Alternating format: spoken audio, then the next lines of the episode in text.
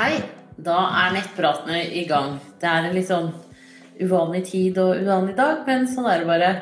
Jeg har vært og fisket sjøørret i Grimstad, og da fikk masse fisk. Men nettpraten foregår sånn at uh, du legger inn spørsmålene dine på altformamma.no. Der kan du være helt anonym. Og så leser jeg opp uh, spørsmålene her på Jordmor Siri på Facebook og svarer direkte. Og etterpå så limer jeg inn URL-en fra svarene, uh, slik at alle kan se, eller høre svarene, da. for så vidt se også, i etterkant. Så da, du kan legge inn spørsmål helt frem til klokka er tolv. Så da begynner jeg. Da er det KJ som sier Hei, Siri. Jeg er gravid i uke 39 pluss 4 i dag. Onsdag forrige uke gikk slimproppen, men går det an at det er rester igjen av den som har forsvunnet i dagene etterpå? Når er det vanlig at fødselen starter etter at den er gått? Har veldig lav mage nå, og det presser masse ned samtidig som det stråler og kan gjøre ganske vondt ned i underlivet og lysken når babyen beveger på seg. Har hatt en del modningsrier, men det har dessverre avtatt den siste uken. Har hatt noen lange, kynnere modningsrier mandag, men ikke særlig mange. Som du sikkert skjønner, er jeg ivrig på at fødselen skal komme i gang, og er skikkelig lei av å vente på denne babyen. Tusen takk for en flott side. Ja, tusen takk for ros, det er alltid veldig hyggelig å, å høre. Jeg skjønner godt at du er litt lei av å vente, for man tror jo alltid at eh, babyen kommer Håper jo i hvert fall at den kommer litt før termin, men sånn er det jo ikke. Eh, og du har jo for så vidt sånn sett enda to uker på deg hvis denne babyen skulle bestemme seg for å være skikkelig treig. Men det tror jeg ikke. Det at du kjenner at det iler nedover i beina og det presser ned og sånn, det betyr at babyens hode er veldig godt nede i bekkenet ditt. Og da klemmer den på nervene som vever seg inn og ut i bekkenet og ned, fra ryggen og ned til beina. Så det kan være faktisk ganske ubehagelig. Eh, og det kan være sånn at folk liksom faktisk eh, skriker opp litt akkurat idet det skjer. Eller at man på en måte mm, i verste fall mister beinet litt under seg. Men, eh, men nøkternt sett så er det et positivt tegn, og det er et, et veldig sterkt tegn på at du nærmer deg fødsel nå. Jeg kan selvfølgelig ikke garantere noen ting. Eh, du sier at mandag var det en del kynner og modningsrier, og i dag er det jo tirsdag. Så da tenker jeg det er ofte mange opplever at det er en sånn rolig dag før det liksom skikkelig starter. Og så tenker jeg at det du burde bruke dagen i dag på og tiden fremover, det er å fokusere på ikke nødvendigvis på selve fødselen, men på den babyen som skal komme. Hvilket fantastisk lite menneske det er. Eh, og hvem kommer denne personen til å være? Eh, for det vet vi jo ingenting om før man treffer dem. Og det er jo akkurat sånn som når man får nye venner i livet. Eh, det tar litt tid å bli kjent, så gi det noen dager. Men så, så, blir du mer og mer kjent med personligheten til babyen din, og det er kjempehyggelig. De første dagene er veldig rotete med amming og de er litt sånn utilpass fordi kanskje de har svelget fostervann, eller de skal beke, og den er ganske seig å få ut. Eh, men så går det seg mer og mer til. Eh, så de første dagene når du er på barsel eller på barselhotell, så bruk tida godt og spør om hjelp og råd, og, og, bruk de damene som jobber der for alt det de har vært. Men tilbake til fødsel, og selvfølgelig Fødsel er jo også viktig. Det er jo en viktig del av det å komme seg til barsel. Uh, jeg tenker at, at du, du, nærmer deg kraftig siden du har en del modningsrier. Slimproppen kan godt gå inntil 14 dager før fødsel. Men vi satser på at uh, her er det snakk om at du har begynt å åpne deg litt, og det er derfor at slimproppen har gått. Og den bruker gjerne noen dager, for det er en, en seig propp som sitter i mormunnen, og som har sittet der for å beskytte for oppadstigende infeksjoner. Så vi er veldig sånn viselig innrettet. Det betyr ikke at uh, du er veldig utsatt nå, for at babyen ligger fortsatt innenfor to hinner og fostervann. Så det skal veldig mye til å få en infeksjon. Så hvis dere har lyst til å prøve sex for å få i gang fødselen, så kan man gjøre det. Det er ikke noe problem. Eh, sæden inneholder eh, prostaglandiner eh, som virker modnende på mormunnen, og kynnere, altså rier Nei, feil. Orgasme hos deg kan gå over i kynnere eller rier. Sånn at eh, det kan eh, godt være en metode å prøve det. Men jeg tenker også at det er viktig å, å slappe av nå. Sånn at du liksom samler mest mulig krefter til fødselen. For fødselen er jo en jobb som man må gjøre. Eh, og Og, og, det krever krefter, det er det jo ingen tvil om. Men det er en fantastisk eh, spennende jobb. Eh, og hvordan kroppen jobber og, og, sånn for å få ut babyen. Utrolig spennende hele det samspillet der. Så jeg tenker at når du går i fødsel og kommer på sykehuset, så spør om alt det du lurer på. Ikke noe er for dumt å spørre om. Eh, og så tenker jeg også, husk på det at eh, at eh, hvis du Og fortell hjernen din hele veien at dette er en smerte som ikke er farlig. Dette er en smerte fordi det er trangt. Eh, og det er ikke farlig. For hjernen greier ikke helt å skille på det. Den skiller bare på eh, at du opplever bare at du har en smerteopplevelse. Eh, og da går den i alarmberedskap. Men det kan du berolige den med. På ri etter ri etter ri så forteller du deg selv at dette er ikke en farlig smerte dette er en positiv smerte. Det er bare det at det er trangt, og babyen skal ut. Så bruk det som et sånt mantra når du er i fødsel, og det vil helt sikkert hjelpe deg. Så da tenker jeg det er spennende. Jeg, på, tenkte jeg skulle ha en nettprat igjen på fredag, så jeg er spent på om jeg hører fra deg igjen da. Eh, hvis ikke så må du ha en riktig god fødselsopplevelse, og gled deg. Det er kjempehyggelig med disse små nyrkene. Tusen takk for at du følger med her og ha en strålende dag videre. Ha det bra! Og så er det Utflod som sier Hei, Siri. Jeg er gravid i uke 32 og har de siste ukene hatt en del gul utflod. Også økende lukt fra underlivet. Er dette noe jeg burde sjekke hos legen? Har også følelsen av å være hoven oppsvulmet nedentil på utsiden av skjeden. Er dette vanlig? Når jeg sitter på do f.eks., er det pressende, og jeg kan kjenne at underlivet buler ut litt.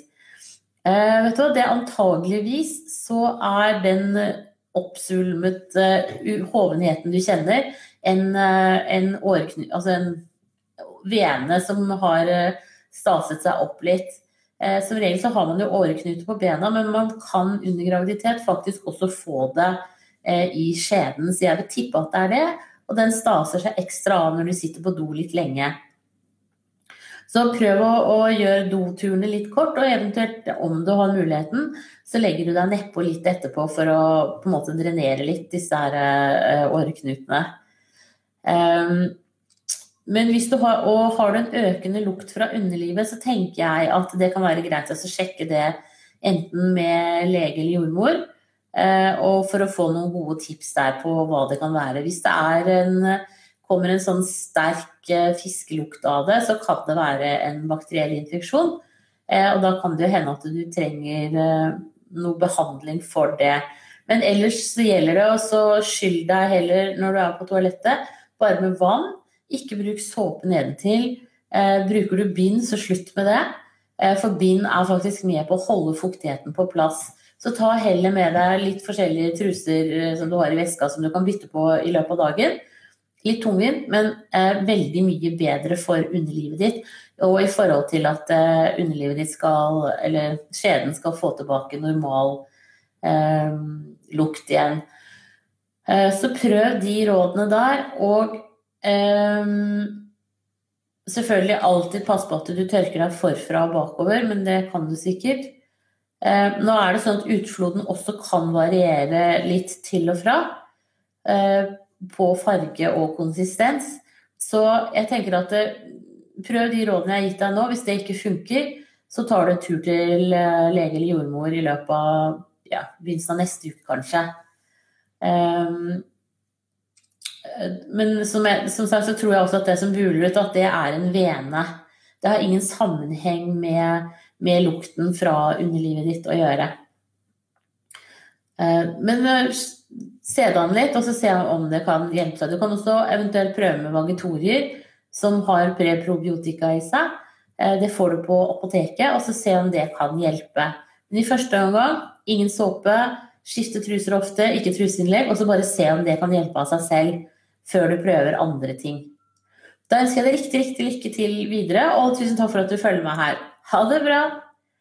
Og så er det Nutrilett som sier Hei, jeg er høygravid og har begynt å bli litt morgenkvalm igjen og har dårlig matlyst.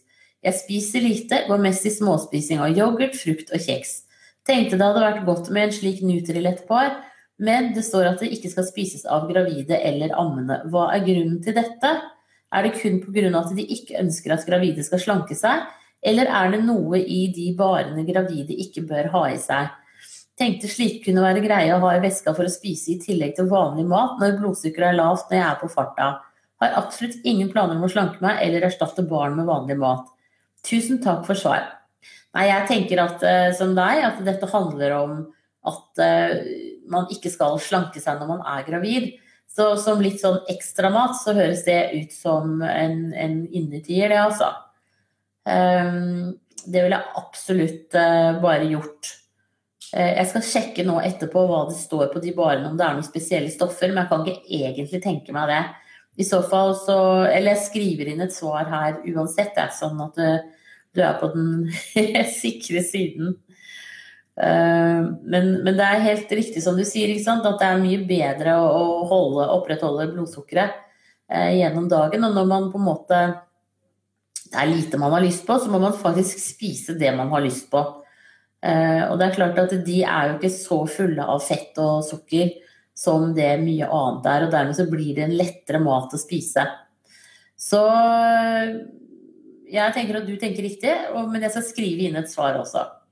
Da ønsker jeg deg riktig lykke til videre, og tusen takk for at du, følger med her. Ha det bra! Og så er det kjære Siri som sier hei. Ville bare si at denne siden har betydd mye for meg gjennom hele svangerskapet. Det er fantastisk å kunne få svar på både små og store spørsmål som man kanskje ikke orker å bestille time til jordmor for å stille. Man får svar med en gang. Det er supert. Bor i en liten kommune med ca. 8000 innbyggere og opplever jordmortjenesten her som en vits. Om man lurer på noe mellom svangerskapskontrollene, er det ingen råd å få. Jordmødrene jobber deltid vikar og jobber kun halve dager her og der, annenhver torsdag osv. Hadde måttet vente i flere uker med å få stilt spørsmål om ting som har bekymret meg, og som jeg ønsker svar på kjapt hvis det ikke var for deg, Siri. Jordmødrene har aldri fått tak i på telefon, da de er opptatte, ikke på jobb, i møte osv. Tusen, tusen takk. Ja, men tusen takk for ros. Det er veldig hyggelig å høre at, eh, at jeg gjør en forskjell for folk. Så, så, det er veldig bra. Men jeg må jo si at det var litt stusslig med jordmortjenesten i den kommunen du bor, da. Um, det er jo dessverre slik litt at disse myndighetene våre tror at det er nok jordmødre rundt omkring.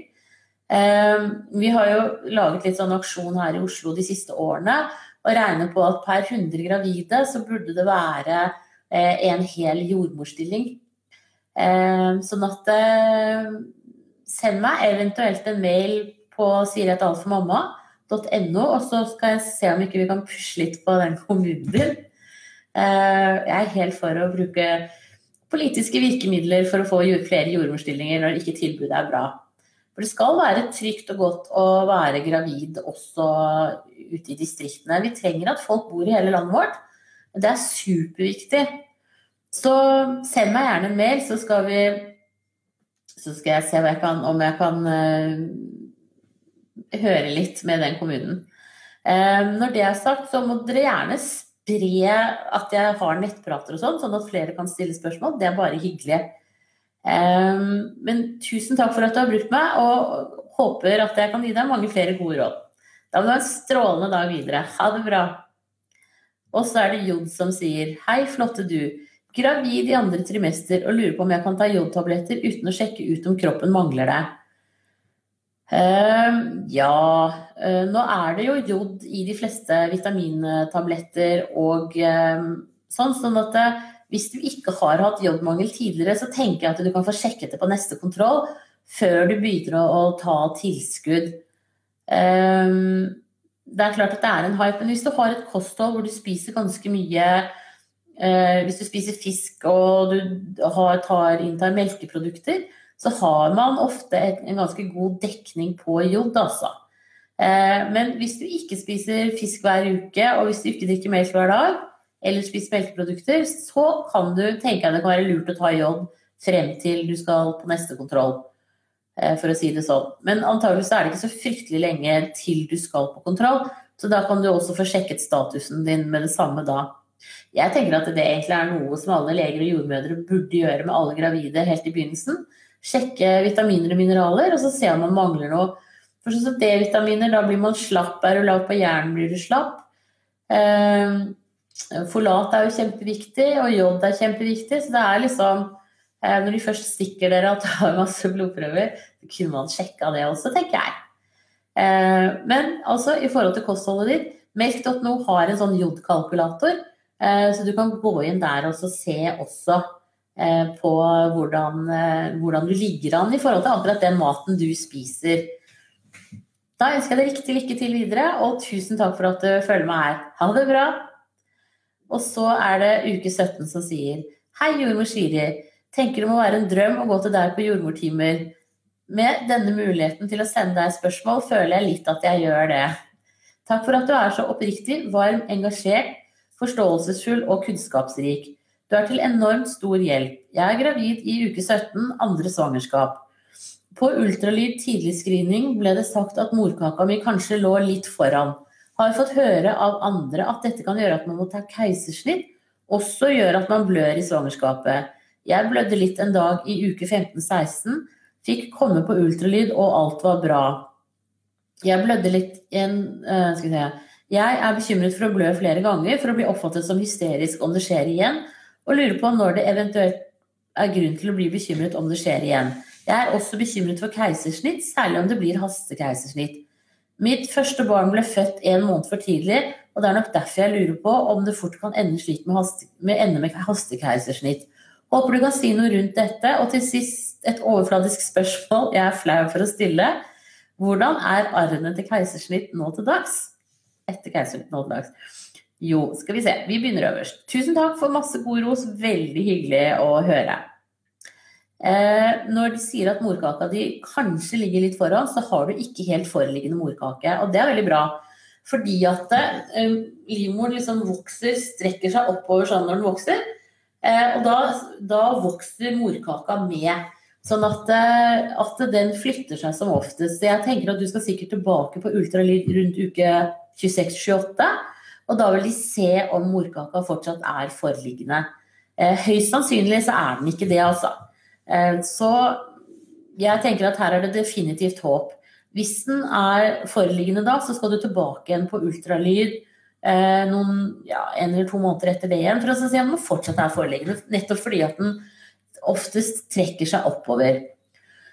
Eh, så de blødningene du har hatt nå, de har høyst sannsynlig ingenting å gjøre med en foreliggende morkake. Det er mer tilfeldig. Og det er sånn at um, man blir skjørere i slimhinnene, for det første med alderen, men også ved graviditet. Sånn at noen ganger er noen litt eh, skjørere, og da blør du lettere. Og det kan være samleie som gjør det. Det kan være en lang tur, eller det behøver ikke være noen ting i det hele tatt. Eh, men, men det er jo en av de indikasjonene på at man skal søke hjelp. Så det er ikke noe å være flau for i det hele tatt. Eh, begynner du å blø, og, det, og du blør liksom mer enn små spor i, i trusa, så tenker jeg at da skal du ringe jordmor og, og fastlege, fastlege og få en time umiddelbart. Og hvis ikke de kan, så er det legevakta siden du er i uke 17. Sånn er det bare. Eh, men det er jo det som gjør at Norge er et såpass trygt land å, å gå gravid og føde i. Eh, så da skal man bruke dette helsevesenet for hva det er verdt. Så her skal du ikke ha noe føle deg flau eller noen ting. Det er bare å bruke retten din. Du betaler jo skatt. Eh, og det går til bl.a. disse tjenestene. Når det gjelder keisersnitt, så tenker jeg at det kan jo være flere årsaker til du fødte for tidlig sist, så det behøver ikke å gjenta seg.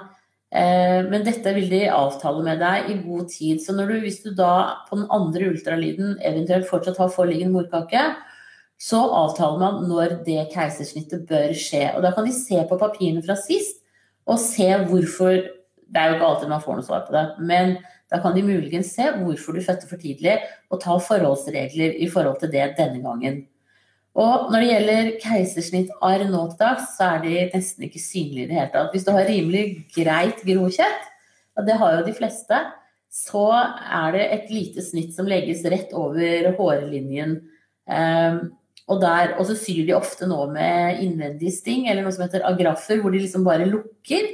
Uh, og det gjør det, gjør det veldig pent. Så et, et arr sånn, det trenger du ikke være noe bekymra for. Det kommer som oftest til å være skjult nede i bikinitrusa uansett når du skal bade sol der.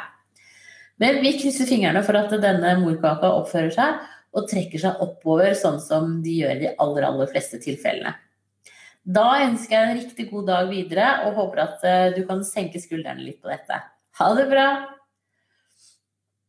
Og så er det positiv test som eh, sier Hei, virker ikke som spørsmålet mitt kom med, så prøver igjen. Jeg tok en graviditetstest på søndag 5.5. som var positiv, noe jeg ikke skjønner. Hadde eh, første dag av siste mens 12.4. Så ubeskyttet sex 19.4. ettersom jeg tenkte jeg skulle ha eggløsning 26.4. en uke etter. To dager etter sexen hadde jeg eggehviteaktig utflod, unnskyld detaljer, detaljer må til, og vondt i nedre deler av ryggen. Er det mulig at sexen trigget en tidlig eggløsning? Må jo ha hatt eggløsning på dag ni av syklusen. Har vanligvis 28 dagers syklus, så jeg skal egentlig ha mensen nå på fredag 10.5. Skjønner da ikke hvorfor jeg fikk en positiv test så tidlig som 5.5. Siden forrige gang jeg var gravid, var ikke testen positiv før selve dagen jeg skulle hatt mensen. Selv med symptomene jeg hadde to dager etter samleie, hadde jeg klokketro på at eggløsningen var en uke etter, og har derfor drukket alkohol flere ganger og drukket veldig mye kaffe, spist bri, spekemat og alt annet man egentlig skal holde seg unna. Lurer derfor på om dette kanskje ikke går så bra, er veldig stressa. Tusen takk for kjempefin side.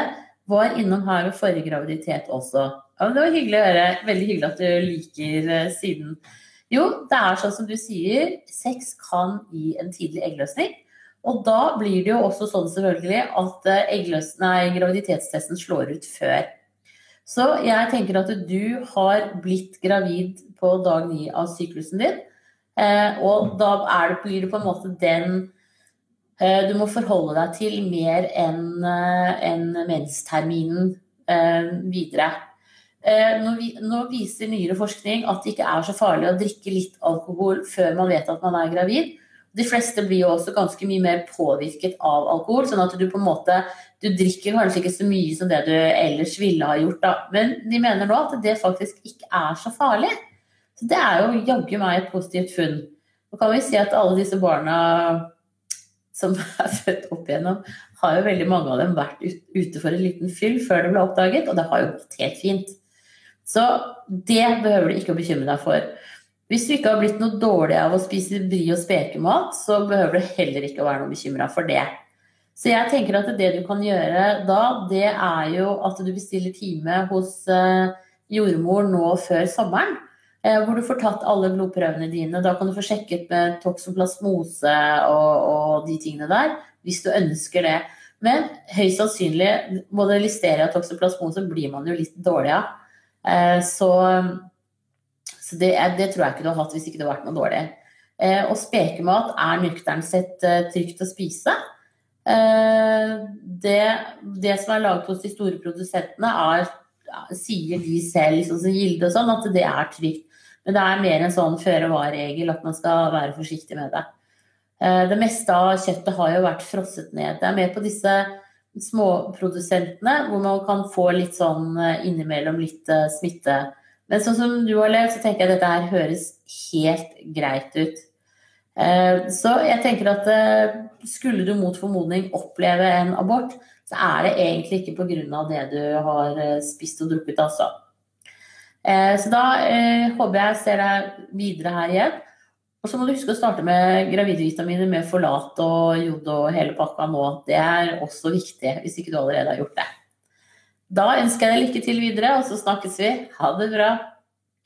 Og så er det jente29 som sier hei, har en datter på snart seks år. Før graviditeten med hun var et faktum, altså kanskje fire, seks eller åtte uker før hun ble lagd, tok jeg melanotan. Tok vel melanotan som sprøyte og også nesespray en periode. Dette altså ca. fire til seks uker før hun i det hele tatt ble lagd. Kan jeg være helt trygg på at det selvfølgelig ikke påvirket hun eller gått inn til henne i magen? Tok selvfølgelig aldri dette i svangerskapet. At hun hadde gulsott de første dagene etter fødsel var vel helt naturlig, og har vel ingenting med dette å gjøre. Nevnte aldri dette for noen. Gulsotten forsvant jo få dager etter fødsel den gangen. Hilsen jente 29. Vet du hva, jeg aner ikke hva melanotan er, så jeg må google dette, og så svarer jeg deg skriftlig når jeg er ferdig med sendingen. Eh, men sånn som du sier, gulsott er jo veldig vanlig for mange barn å få etter fødsel. Så antageligvis så har det ingen sammenheng der. Men jeg skal sjekke, og så kommer jeg tilbake til det. Tusen takk for at du følger med her, og ha en strålende dag videre. Ha det bra. Og så er det Line som sier Da jeg var på ultralyd i uke 18-19, så lå morkaken litt i kanten. Jeg fikk en ny tid i juni, er nå i uke 26. Jeg har opplevd i ettertid et par ganger når jeg har tørket meg med noe som blodflekker på papiret. Det er ikke mye, kom ikke i trusen, men bare på papiret. Kan det ha noe med morkaken å gjøre? Er det ingen symptomer på det? Kjenner jo godt med bevegelser mange ganger daglig av barnet. Dette er vårt tredje barn. Tusen takk for svar. Nei, det er helt sikkert ikke morkaken som gjør det.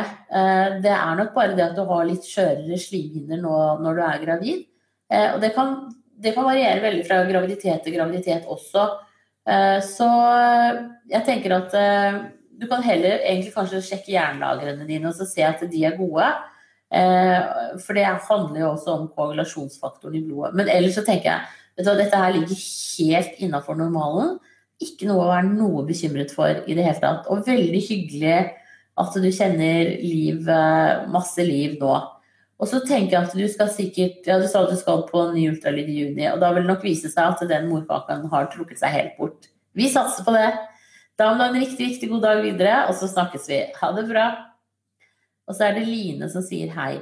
Da jeg var på ultralyd i 1819, det var hun. Yes. Skal vi se, samme som den hopper jeg over. Og så er det Sommer som sier hei, jeg er i uke 19 nå. Da jeg var på ultralyd, sa hun at morkaken var foran, altså ikke foran åpningen, men foran mot magen. Kjenner bevegelser på morgen og kveld, men lite gjennom dagen. Demper det veldig mye at barnet sparker i morkaken, og vil det være sånn hele svangerskapet? Ja, det vil det. Og morkaken er omtrent ja, 1-1,5 cm tykk. Så det er ganske mye som babyen skal sparke gjennom, og det er derfor du ikke kjenner det. Eh, og det eh, Den ligger jo der gjennom hele graviditeten. Nå kan du si at du kommer til å kjenne litt mer på siden og sånn etter hvert. Men dessverre, litt mindre bevegelse, det kommer du til å ha gjennom hele graviditeten. Det er ikke noe farlig, og babyen det er, liksom, det er ett fett om den ligger på fremre eller bakre vegg. Det er bare det at man kjenner sparkene litt dårligere. Da ønsker jeg deg riktig lykke til videre, og tusen takk for at du følger meg her. Ha det bra! Og så er det Anonym som sier Hei, Siri. For snart ett år siden fødte jeg en gutt med hastekeisersnitt i uke 30 pga. alvorlig preeklamsi, truende eklamsi og help. Alt gikk i en forrykende fart, ingen forvarsler, før det plutselig en natt bare slo til. Seks timer etter at jeg kom til sykehuset, var gutten ute, og det hele var bare uvirkelig. Jeg var veldig dårlig, selvsagt, og husker veldig lite fra de første dagene, og det har tatt meg mange måneder å få kroppen på rett kjør igjen. Det jeg lurer på nå, sånn i ettertid, er om man kan få samtale med de på sykehuset som utførte keisersnittet og passet på oss denne natten. Jeg sitter med så mange spørsmål om alt mulig og kjenner veldig på at det nærmer seg ett år og bursdag for lillemann. Føler jo selvsagt glede, men også en del følelser som ikke er så ålreit og burde bearbeides mer. Mange skremmende episoder under oppholdet på NFI og en følelse at jeg burde sett det komme. Selv om alle har sagt at jeg ikke kunne gjort noe fra eller til, hadde uansett fått help. Hvordan går jeg eventuelt frem for å få til en samtale? Gutten vår har det veldig fint i dag, per dags dato ingen utfordringer, og har tatt igjen vekt og lengde som han skulle vært terminfødt. Det kan jo selvfølgelig dukke opp ting etter hvert, men det kan jo det jo hos alle barn. Premature eller ei. Jeg er helt enig. Tusen takk for svar. Beklager litt rotete innlegg. Nei, det var helt greit.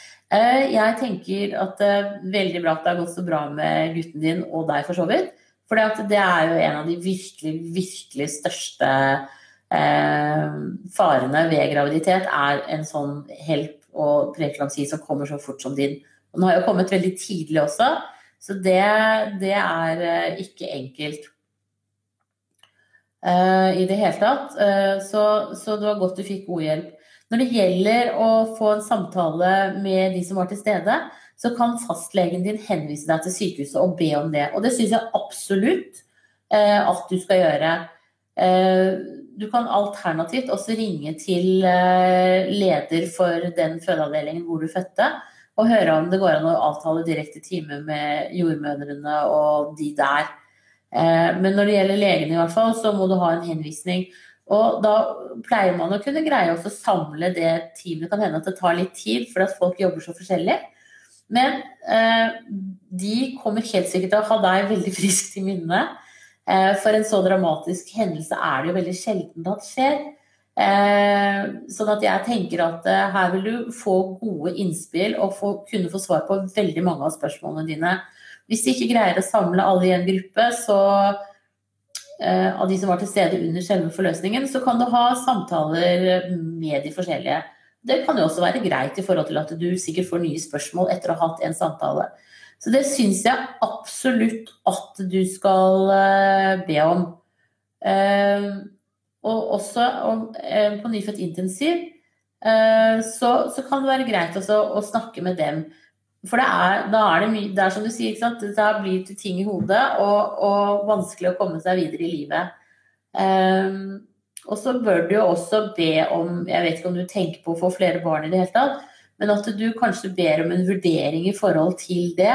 Hva man tenker eh, om en ny graviditet før du setter i gang. Eh, og da tenker jeg at den gynekologen som, eller obstetrikeren som forløste deg med den forrige fødselen, kan være en god person og, som kan gi et godt svar på det til deg. Eh, det er selvfølgelig din avgjørelse, men noen ganger kan det være greit å få medisinske råd på, på, hva som er lurt å gjøre. Ehm, så, så jeg tenker det, ta fatt i det.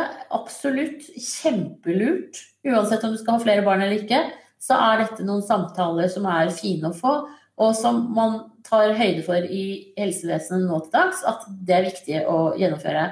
Og så hender det jo også noen ganger at eh, de som var med deg og fulgte deg, eh, har noen spørsmål som de får svar på.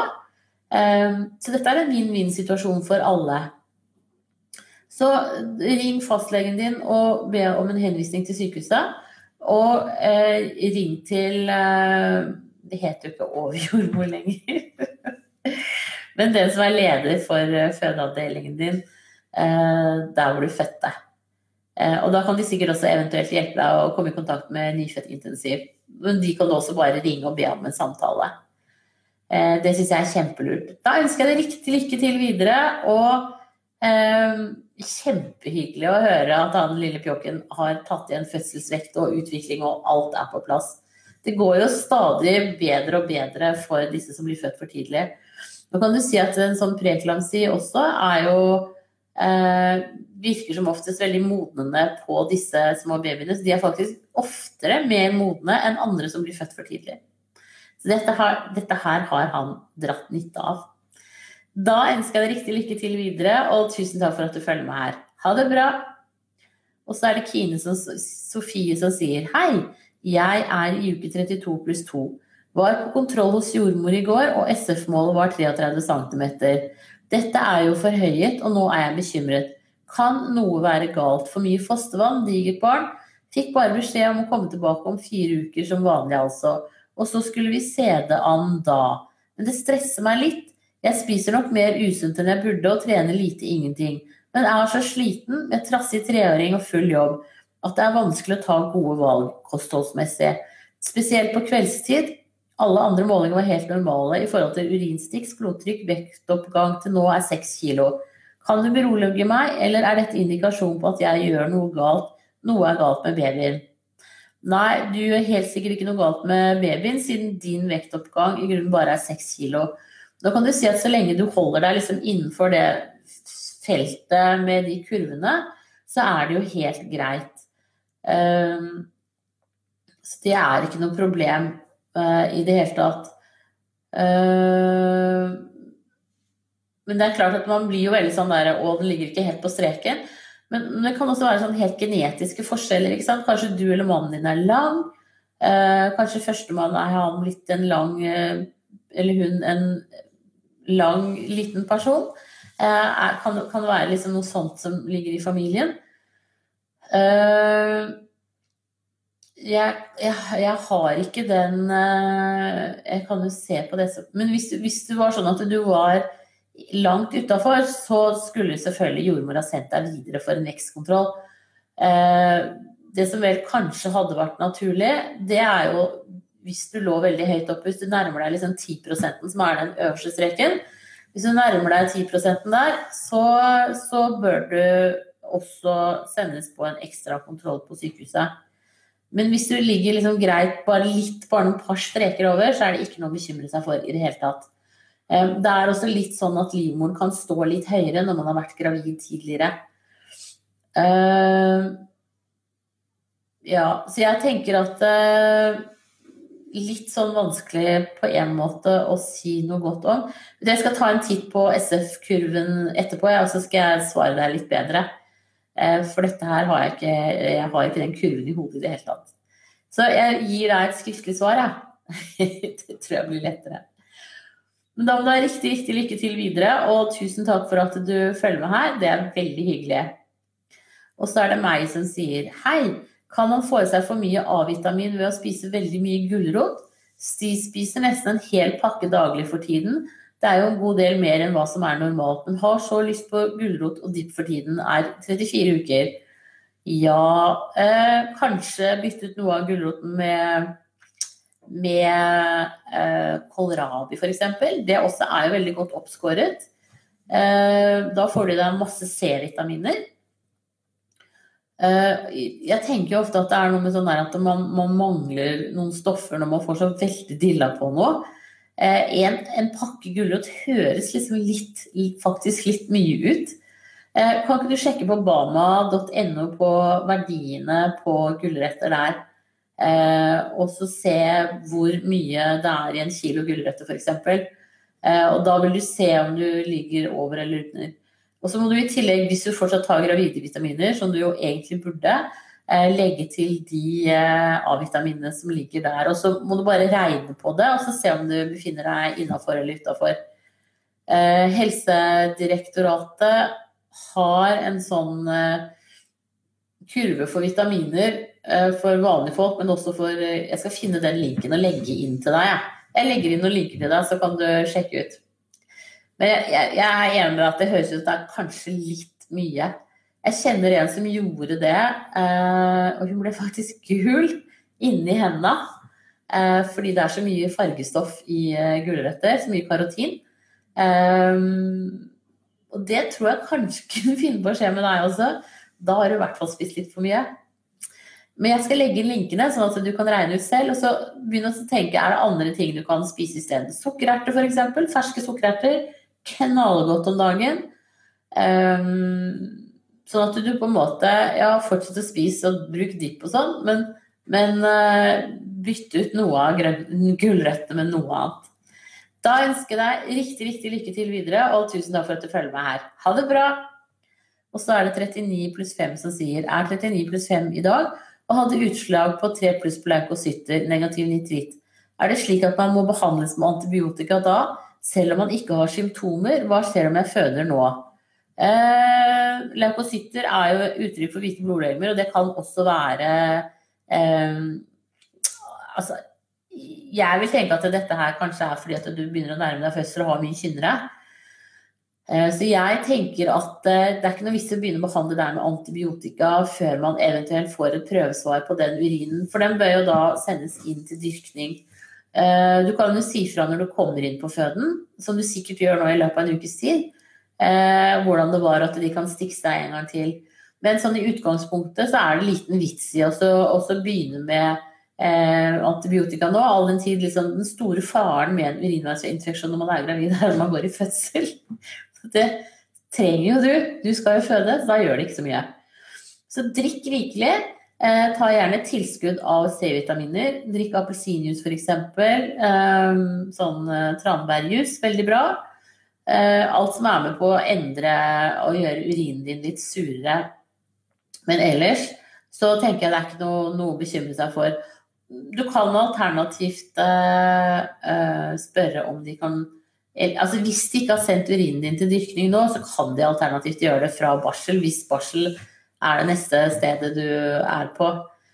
Uh, men si fra når du kommer inn for å føde, og så tar man det fra der. Da ønsker jeg deg riktig, riktig lykke til videre, og så eh, snakkes vi kanskje etter at du har født. Ha det bra.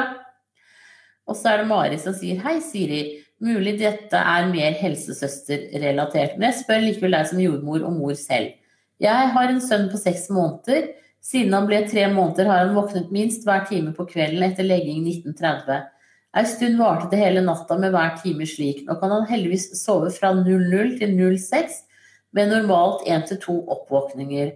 Men på kveldene er det fortsatt hyppige oppvåkninger, og han gråter så hardt hver gang med øynene igjen. Opptil 30 minutter å roe han med å gå rundt. I huset og kose på han, holde han tett til hjertet. Vi har en rolig hverdag, og jeg merker det blir verre etter litt hektiske dager. Dvs. Si, i helga var vi 45 i en dyrepark på ettermiddagen, og da ble natta ille med masse gråting og våkninger etter hvert. Jeg lurer på om han kan være høysensitiv som meg, eller er dette normalt for babyer? Det er min første, så jeg føler meg usikker. Han er glad på dagtid så lenge han får de regelmessige duppene sine. Viser allerede stor omtanke for andre, der han i helga virket å trøste bestemoren sin som gråt av rørthet i en dåp. Veldig god gutt, men føler jeg begynner å bli mer og mer utslitt av nettene, og føler mindre glede i hverdagen. Setter pris på tilbakemelding, kommentar, samme hva, klem fra meg. Ja, hvis du selv er høysensitiv, så er det jo relativt stor sjanse for at han også er det. Eh, så han på en måte må jo lære seg litt eh, og verne seg. Men enn så lenge, så før han liksom helt greier å gjøre det, så, så er det litt din oppgave. Så, så, da tenker jeg at sånn som du sier, at eh, når det er veldig mange mennesker, så blir han stressa. Så det gjelder vel egentlig å prøve å unngå de situasjonene der. Eh, etter hvert som han greier å gå og bevege seg, og sånn, så vil han kunne på en måte selv trekke seg unna, tenker jeg. Og da blir det litt lettere. Men nå er han så liten at det er vanskelig å gjøre. Så jeg tenker at uh, prøv å, å, verne han der du kan. Og som du sier, liksom, ha en, et regelmessig liv når det da hjelper han til å bli mer regelmessig. Og så tenker jeg at det går an å prøve. Det kan hende at han har bitte litt øreverk eller litt sånn fuktighet i mellomøret. Så prøv å legge han med en pute enten under madrassen eller at du bygger opp sengeenden sånn at han blir liggende litt høyere med hodet. For det er helt sånn typisk det der at de våkner sånn ofte. Det er fordi at trykket inni øret øker. Eh, og da når de da kommer opp, så minker trykket igjen. Men hvis den er litt tett, så, så, tar det litt tid. Så du kan prøve å gi han nesedråper for babyer, og så se om det kan hjelpe han litt, faktisk. Um, og det er klart at øreverk er jo ganske vondt, da. Uh, og da tar det litt tid å roe ned, for da tar det liksom litt tid før det vannet uh, forsvinner og, og, den hovenheten trekker seg tilbake. Så prøv nesedråper for barn. Det virker uh, slimhinneavsvellende. Eh, og det kan hende at det kan hjelpe han. Og det er klart at Hvis, sant, hvis han er en litt sart liten fyr, så, så, vil jo det med smerte også på en måte kanskje slå litt ut. Så jeg tenker liksom ta høyde for det, og så, og så se om ikke kanskje muligens det å bygge opp fotenden Nei, det var helt feil. Hodeenden på sengen eh, kan hjelpe. Eh, og også litt nesedråper, bare for en periode, for å se om det kan hjelpe.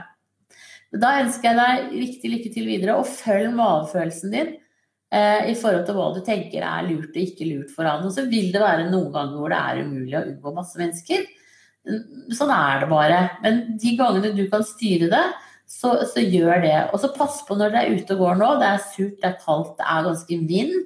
At han har noe vindtett eh, på øra sine, så han ikke så lett blir snørrete og sjuk.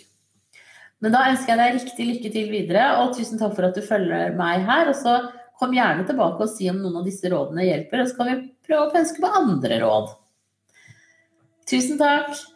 Eh, og da må dere som bruker meg her, dere må gjerne spre ordet om at jeg har nettprater og, og sånn. Jeg trenger å få opp trafikken litt. Det hadde vært hyggelig. så så sånn én til to ganger i uka så er jeg jo på nettprat. Da var det det siste spørsmålet, så nå avslutter jeg denne nettpraten. Og så snakkes vi igjen på fredag. Ha det riktig bra.